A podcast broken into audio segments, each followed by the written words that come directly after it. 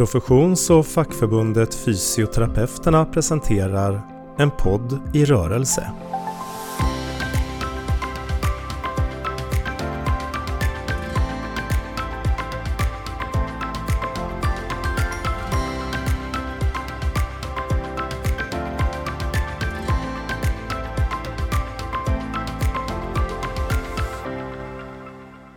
Sitter jag här med Charlotte Häger som eh, nyligen har blivit utsedd till Årets fysioterapeut. Ett stort grattis till dig! Tack Cecilia, det känns verkligen jättehedrande och kul. Och vi kommer att prata lite grann om anledningarna till varför du, varför du själv tror att du har blivit vald till Årets fysioterapeut. Men först så vill jag fråga dig, eh, vi befinner oss ju på Fysioterapi 2019 som är vår stora nationella konferens. Hur, hur mår du? Hur har du haft det under de här dagarna? Det, jag tycker alltid att det är jättekul att komma till fysioterapikonferenserna. Det var faktiskt några år sedan nu. Så att det är som att komma och träffa massor med kollegor och den här familjen av fysioterapeuter. Man blir peppad, man får gå på saker som man inte kanske håller på med själv. Som jag just kom från ett symposium och det tycker jag är väldigt stimulerande. Sen kanske man har egna föredrag eller moderator och så. Men, men det är ett skönt mingel också mellan olika aktiviteter. Mm. Jag berättade för dig igår att jag hade träffat en kollega som jag var kursare med och inte sett på 15 år. Så det är verkligen en möjlighet att både träffa gamla vänner och nya vänner. Vi är på de här dagarna. Många före detta studenter och andra yngre kollegor också som kommer fram och vill prata och det är jättekul. Mm. Men du, eh, det här priset, Årets fysioterapeut. Um, vad tänker du själv? Vad är en av anledningarna till att just du blev vald i år? Ja, den här uppenbara anledningen är väl det här att jag tog på mig uppdraget att leda den vetenskapliga kommittén för världskongressen i Genève då, som WCPT, alltså eh, världskonfederationen för fysioterapi, ordnar vartannat år i år i Europa. Och och eh, ja, men det är klart att det är en påtaglig uppgift att leda en sån kommitté, att våga göra det, våga vara förebild kanske, och man tänker till lite grann innan också. Så att, eh, det är kanske det yttre. Jag ser det kanske också som ett erkännande att, att eh, man engagerar sig i professionella frågor och driver utvecklingsfrågor och som jag har gjort ända sedan min grundutbildning egentligen. Jag tycker det är väldigt kul i den här professionen. Jag gillar att vara del av den här ja, utvecklingsbenägna kåren och fältet. Mm. Ja, konferensen i Genève var ju verkligen en eh, happening eh, som de brukar vara, de här världskonferenserna. Det är alltid spännande att få vara där och få lära sig av eh, andra kulturer, andra delar av världen och se hur de har det och att också få dela med sig av det som är speciellt för oss. Mm. Så att jag tycker att ni i vetenskapliga kommittén gjorde ett bra jobb. Det var ett brett program och det var, det var bra dagar. Vi hade ju verkligen en jättebra grupp av personer från alla världsdelar. Och det var förändrat lite grann, att det inte var bara liksom utifrån en forskare eller lärare eller kliniker från varje världsdel, utan vi försökte blanda också både yngre och äldre och lite mer utifrån områden och så den här gången. Och det var en fantastisk grupp att jobba med, så det är ett väldigt teamarbete och även med sekretariatet från huvudkontoret då i London som jobbar med de här frågorna. Mm. När det gäller det här med Årets fysioterapeut så är det ju så att det är medlemmar som nominerar och det är en jury som utser tre personer som sedan blir intervjuade. Och när vi då intervjuade dig så pratade vi också om ditt, jag vet inte om jag ska säga ditt andra internationella engagemang eller ditt utvidgade internationella engagemang som vi blev väldigt intresserade av. Mm. Och jag vet också att du precis har kommit hem från Kairo. Kan du berätta lite mer om det? För jag tycker det är väldigt spännande. Mm. I, I det här sammanhanget så började jag fundera, vad var det som egentligen fick mig att börja kika på andra länder och hur utvecklingen ser ut där. Och egentligen så har jag alltid varit intresserad av att resa och gjorde det både utomlands innan jag började på universitetet och på fysioterapiprogrammet, eller sjukgymnast som det hette då. Men sen blev jag ganska snabbt, efter några år så när jag blev doktorand, så blev jag faktiskt tillfrågad av förbundet att vara med i något som hette forskarutbildning för fysioterapeuter, som inte fanns då egentligen, men i Skandinavien, i Norden. Och det var så det började, att jag blev engagerad tillsammans med också de som jobbade på förbunden i de olika nordiska länderna. Och då föddes det här intresset att se hur ser utvecklingen ut i andra länder, vad kan vi lära, vad kan vi tillföra? Och sen så småningom i förlängningen av det så blev det också så att förbundet ville nominera någon som skulle jobba med europeiska frågor. Så senare så har jag varit engagerad då i en sån arbetsgrupp inom det europeiska förbundet.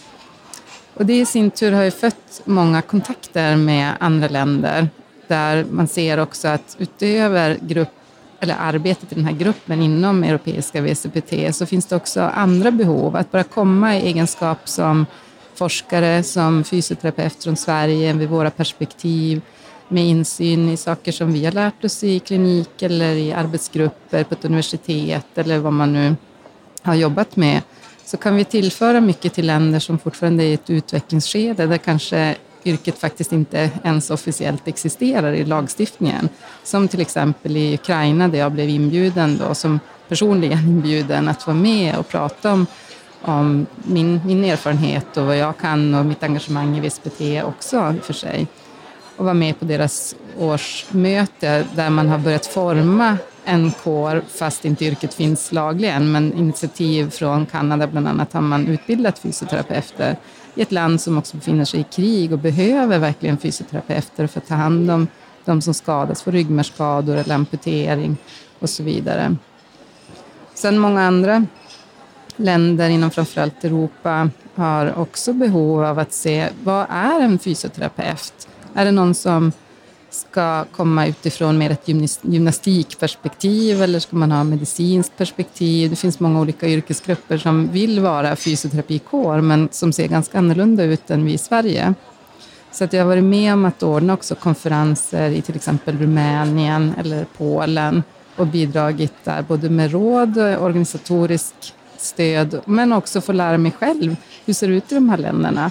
I Polen har man haft inget remisstvång för många år sedan. Man var ganska starka, men man har tappat det på senare år och har fått tillbaka remisstvånget och måste underordna sig så att säga andra discipliner inom medicinen. Mm.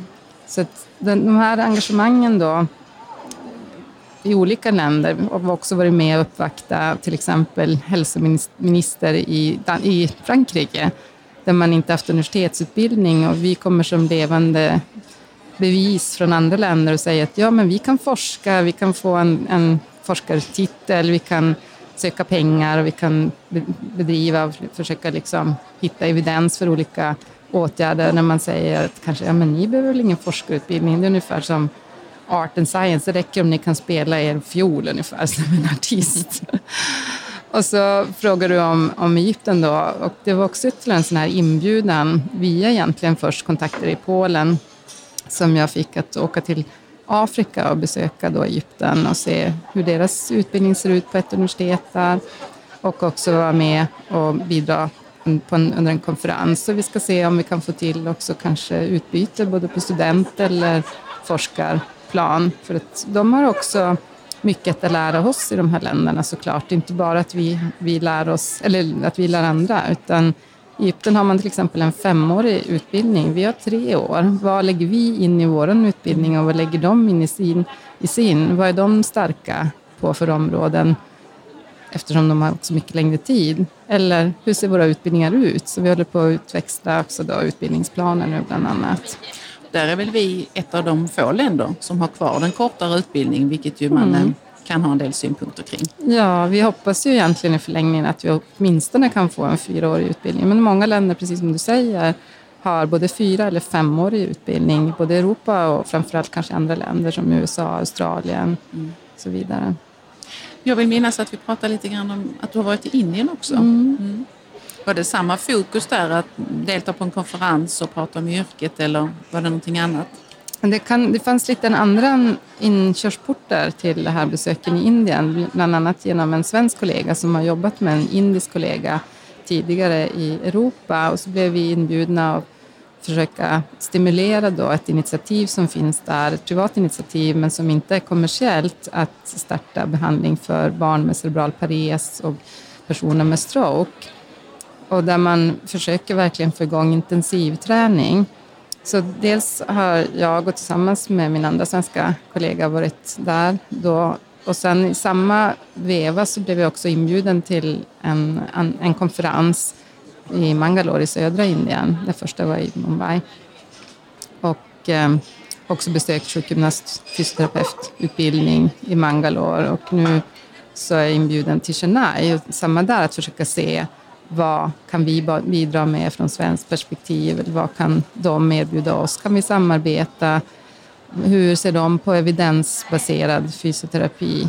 Så det finns mycket lärdomar. De har ju också faktiskt i forskningshänseende har de otroligt mycket patienter. Mm. Så det finns också starka tillgångar och de fick jag lära mig att då har också väldigt mycket problem med inaktivitet och börja se till exempel diabetes komma starkt. Man kan tro att de har, har mindre stillasittande än oss, men de, brukar se, eller de börjar se samma mönster. Mm. Så det är intressant av de perspektiven också. Mm.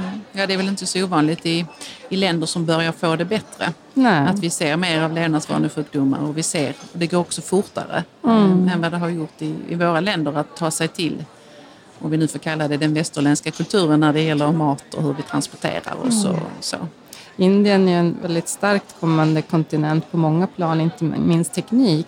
Men vi ser också att det finns anledning, tycker jag, från ett svenskt perspektiv, och det är väl där jag kunnat bidra en del också, att man måste se till etik.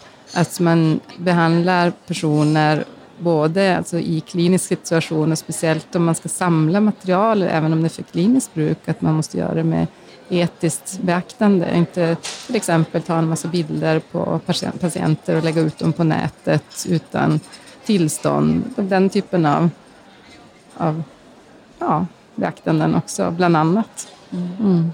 Ja, det är verkligen mycket vi, vi kan lära oss mm. eh, av andra av att röra oss i världen. Eh, jag tänker som en avslutande fråga, eh, om jag nu är en eh, ung fysioterapeut som är skulle vilja engagera mig internationellt eller jag kanske är en gammal fysioterapeut som vill göra det. Vilka råd skulle du ge till mig eller till någon som vill engagera, sig mer i det internationella arbetet? Mm. Jag tänker, om man nu är student så finns det ju otroligt mycket möjligheter idag att också ha sådana här utbyten under sin utbildning med andra universitet och utbildningar, både inom Europa eller andra världsdelar utbytesterminer eller åtminstone ta någon enstaka kurs. Och många universitet, inklusive mitt eget och Umeå universitet, har som mål att 20 procent av våra studenter ska göra en del av utbildningen utomlands. Så där finns det också möjlighet att söka pengar. Det finns utbytesprogram både inom Europa och andra ställen. Det andra sättet är ju också om man både som färdig fysioterapeut eller äldre fysioterapeut, att man söker sig till till föreningar eller inom projekt som ändå finns. Både kan vara forskning eller kanske mera volontärprojekt där man har möjlighet, eller också varför inte inom europeiska VCPT eller världsorganisationen. Då finns det ofta sådana här så kallade twin projects där till exempel olika länder har gått ihop och bestämt att man ska vara tvilling till exempel med ett land i Skandinavien och ett land i Afrika.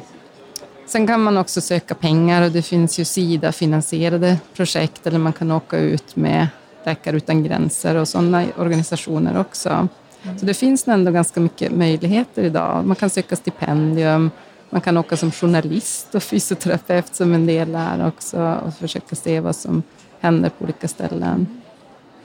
Ja, det finns, finns Sen kanske många... förbundet ska, ska ha något sånt här så småningom också, ett tvillingprojekt. Jag tror inte vi har något just nu. Eller, eller tänka i de banorna också. Ja. Det låter jättespännande. Jag tänker på det i många kommuner som har, man har vänkommuner mm. eller vänskolor och så. Det är något som man skulle kunna fundera på. Universiteten också. Ja. Mm. Ja. Men det ehm. finns verkligen jättemycket att hämta där. Att få nya ögon. Mm. mm. Ja, jag, tror det bara, jag tror att man behöver börja leta mm. Eh, också och se vad som finns för någonting. Men då skulle jag vilja säga tack så mycket för att du var med på det här samtalet och också återigen ett stort grattis till titeln som Årets fysioterapeut. Det är, det är väl förtjänt. Tack så mycket. Tusen tack Cecilia. Det var jättekul att prata om det här och fantastiskt kul att få njuta av det här priset också. En podd i rörelse presenterades av Fysioterapeuterna.